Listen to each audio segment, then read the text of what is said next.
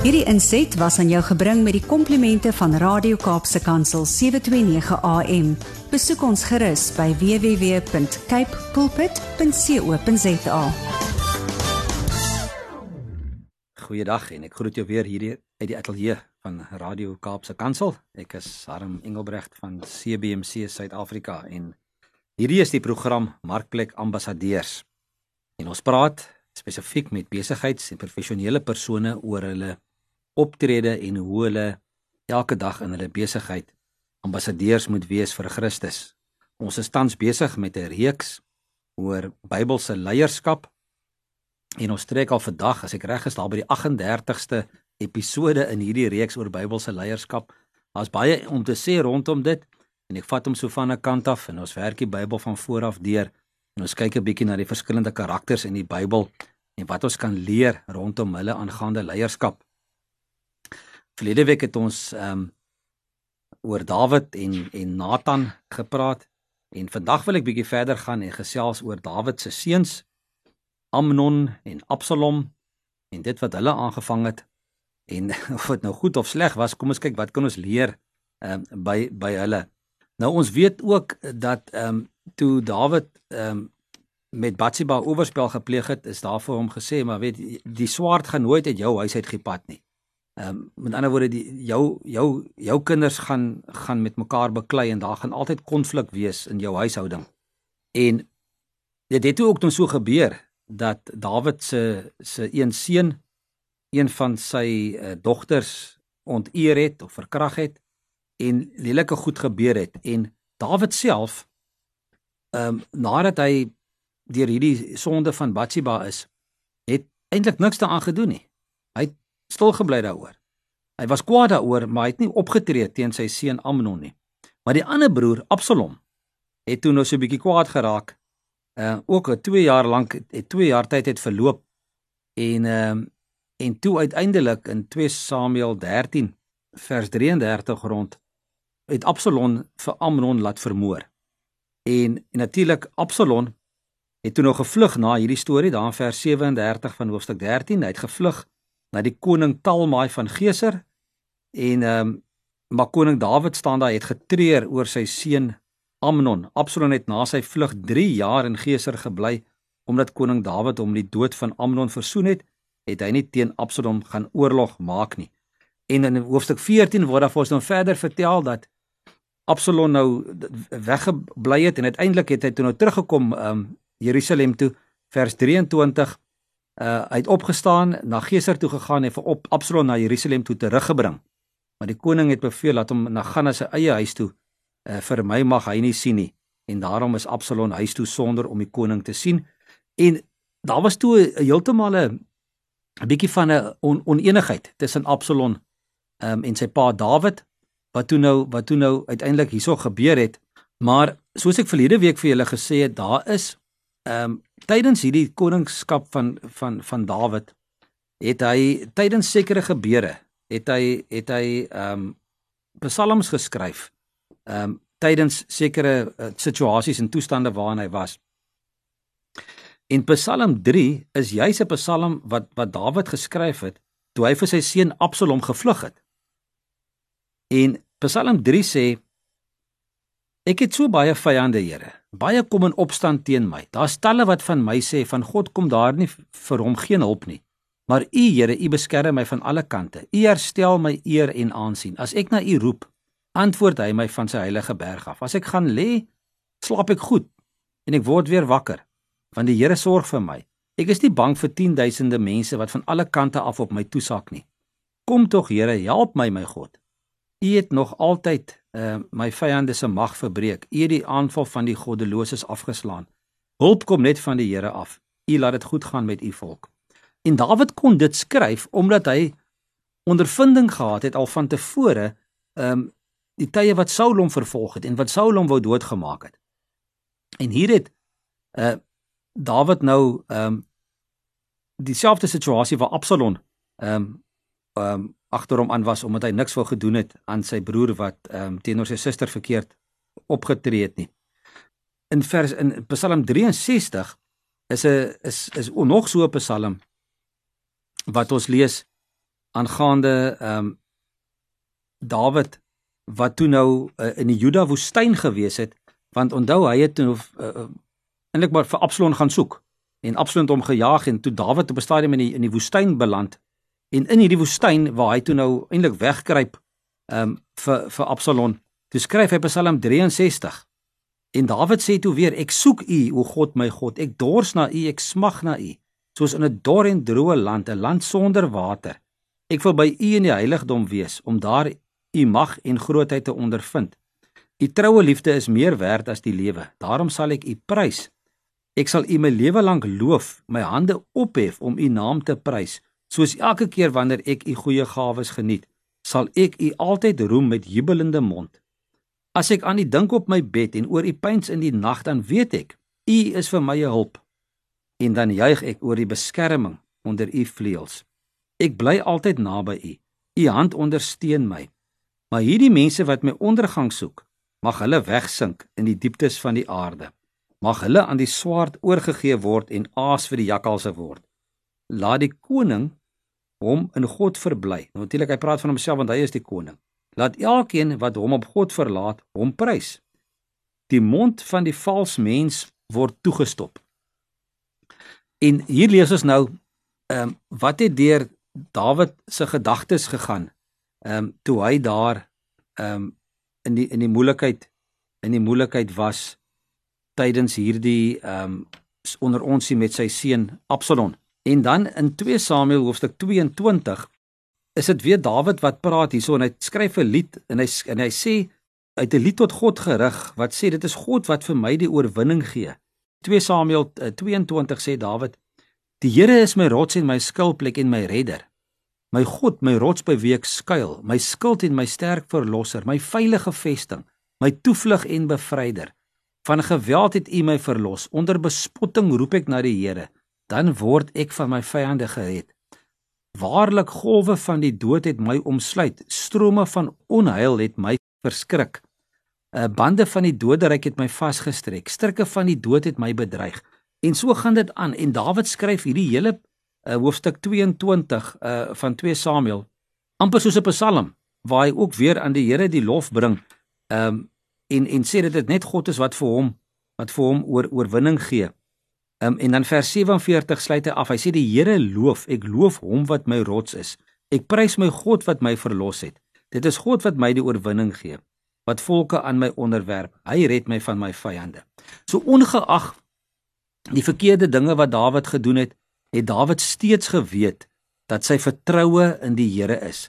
Hy het steeds geweet dat hy sy oorwinning van die Here kry en dat die Here vir hom sorg. So al het Dawid se oordeel en vroomheid om lelik in die steek gelaat, het hy aangehou om God met sy hele hart te soek, van die begin van sy lewe af tot op die einde. In die einde van sy jare het Dawid hierdie lied van 2 Samuel 22 geskryf um, en God vereer as die bron van sy sukses. In die, in, in hierdie gedeelte bely hy dat geen talente of hulpbronne vir hom verlossing kon bewerkstellig nie, maar alleenlik die hand van die lewende God. Toe Dawid teen die einde van sy bewind in stryd met God se wille sensus gehou het, het God vir hom sy straf laat kies. Nou interessant, God gee vir Dawid 3 keuses en hy sê vir hom: "Jy kan kies. Daar gaan 7 jaar hongersnood wees. Jy gaan 3 maande vlug vir jou vyande of jy gaan 3 dae onder die pes deurloop." En Dawid kies toe sê ek die pesepidemie Nou ons sou gedink het dis hom seker die kortste om net 3 dae te ly. Maar hoekom hy dit gedoen het? Hy hy skryf hierso, hy sê ek is in 'n hoek gedryf. Laat my liewer in die hand van die Here val, want sy genade is groot. Ek wil nie in die hand van mense val nie. So Dawid het geweet, selfs as dit oor straf gaan of oor steen, het hy geweet dat God die veiligste en die enigste uitweg is. En God is dit ook vir ons. Ons kan hom vertrou, soos Dawid ook hier besef het in alle omstandighede. In Psalm 18 eh, skryf Dawid aan die hand van uh, eh, 2 Samuel 22 en sê dit is die Here wat die oorwinning gee. Nou ek gaan nou nie die hele Psalm lees nie, dit is 'n redelike lang Psalm en jy kan dit gerus gaan deurlees by die huis. Maar in Psalm 18 wil ek net 'n paar woorde uithaal. Dawid skryf daar: Ek het U baie lief, Here, my sterkte. Die Here is my rots, my skuilplek en my redder. Dit klink baie soos um, 2 Samuel uh, hoofstuk 22. Hy skryf verder, hy sê die aarde het geskud en gebewe, die fondamente van die berge het getrill en geskud, want God was vertoren. Ehm um, hy sê hy het van die hemel af neergebuig, hy het afgekom, onder sy voete was duisternis. Hy het op 'n gerub geklim en gevlieg, op die vleuels van die wind het hy nader gesweef. Hy het om in donkerte gehul, donker waters en wolkmassas was sy bedekking. Het die gloed voor hom met wolke getrek, haal en weerligstrale. Die Here het die hemel laat dreun. Die Allerhoogste het sy stem laat hoor. En dan skryf hy by vers 17: Van bo af het God sy hand uitgestrek en my het my gegryp. Hy het my gelig uit hierdie geweldige waters uit. Hy het my gered van my vyand wat wat sterk was en en van my haters toe hulle magtig was. Die dag toe hulle my aangeval het, was my ondergang naby, maar die Here het my daarvan bewaar. En so kan jy die hele Psalm 18 gaan lees. Op die einde weer eens skryf hy: Die Here leef, ek loof hom wat my rots is. Ek prys God wat my gered het. Dit is God wat my die oorwinning gee, wat my volke aan my onderwerp. En uit Psalm 18 uit, wat leer ons oor dit wat hier geskryf is van Dawid? En ons leer hierso dat in hierdie gedeelte 'n uh, 'n kwessie rondom etiek en dit is dat God 'n absolute leier is in 'n relatiewe wêreld. In 'n wêreld waarin alles blykbaar relatief is. Met ander woorde, mense gaan vir jou sê ja, maar weet as jy iets sê dan gaan hulle sê ja, maar dis ook dit is relatief. Ek meen maar maar wat is dit wat standvastig is? Wat is dit waar ons kan vashou wat altyd dieselfde is. En dit is God. Dis God wat 'n vaste punt is. Hoe kan leiers leer om op God te vertrou? En in Psalm 18 is daar 'n paar dinge. Dawid illustreer nie net in Psalm 18 wat dit beteken om 'n leier te wees nie, maar ook hoe om volkome te vertrou op die God wat die heelal te bowe gaan en daaroor oordeel. God as absolute leier is 'n toevlug vir menslike leiers want daar's twee redes. Dis die Here, die Here is 'n magtige beskermer en hy's 'n doeltreffende toeruster. Met ander woorde, hy beskerm ons en hy rus ons toe. Psalm 18 beskryf die voordele wat dit inhou as ons volgens die waarheid leef. Leiers wat dit aanvaar, kan bo hulle vermoëns presteer. Hoekom? Omdat God hulle daartoe in staat stel. Hierso skryf Dawid in hierdie Psalm, hier verklaar hy dat God ons hande leer hoe om die stryd te stry. Leiers moet albei bogenoemde rolle van God in hulle mense vervul as beskermer en toeruster. As ook al die ander rolle wat in hierdie Psalm uitgebeeld word uh, van 'n leier. So byvoorbeeld die rolle as koning. Ehm um, dis in Psalm 20, die rol as herder in Psalm 23, die rol as 'n gids of 'n raadgewer in Psalm 48, die rol van die een wat bestraf uh, in Psalm 50, die rol as voorsiener in Psalm 72. Uh die rol as 'n as 'n as 'n skepper in Psalm 95 en natuurlik die rol as 'n as 'n produseerder of 'n werker in Psalm in Psalm 107.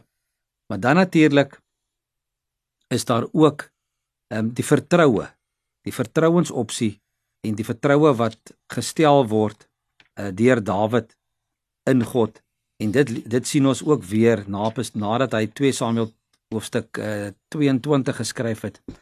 sien ons daar dat uh, Dawid ehm um, se oordeel hom in die steek gelaat het en dat hy toe hierdie hierdie hoofstuk 22 geskryf het waaroor ons net oor gepraat het.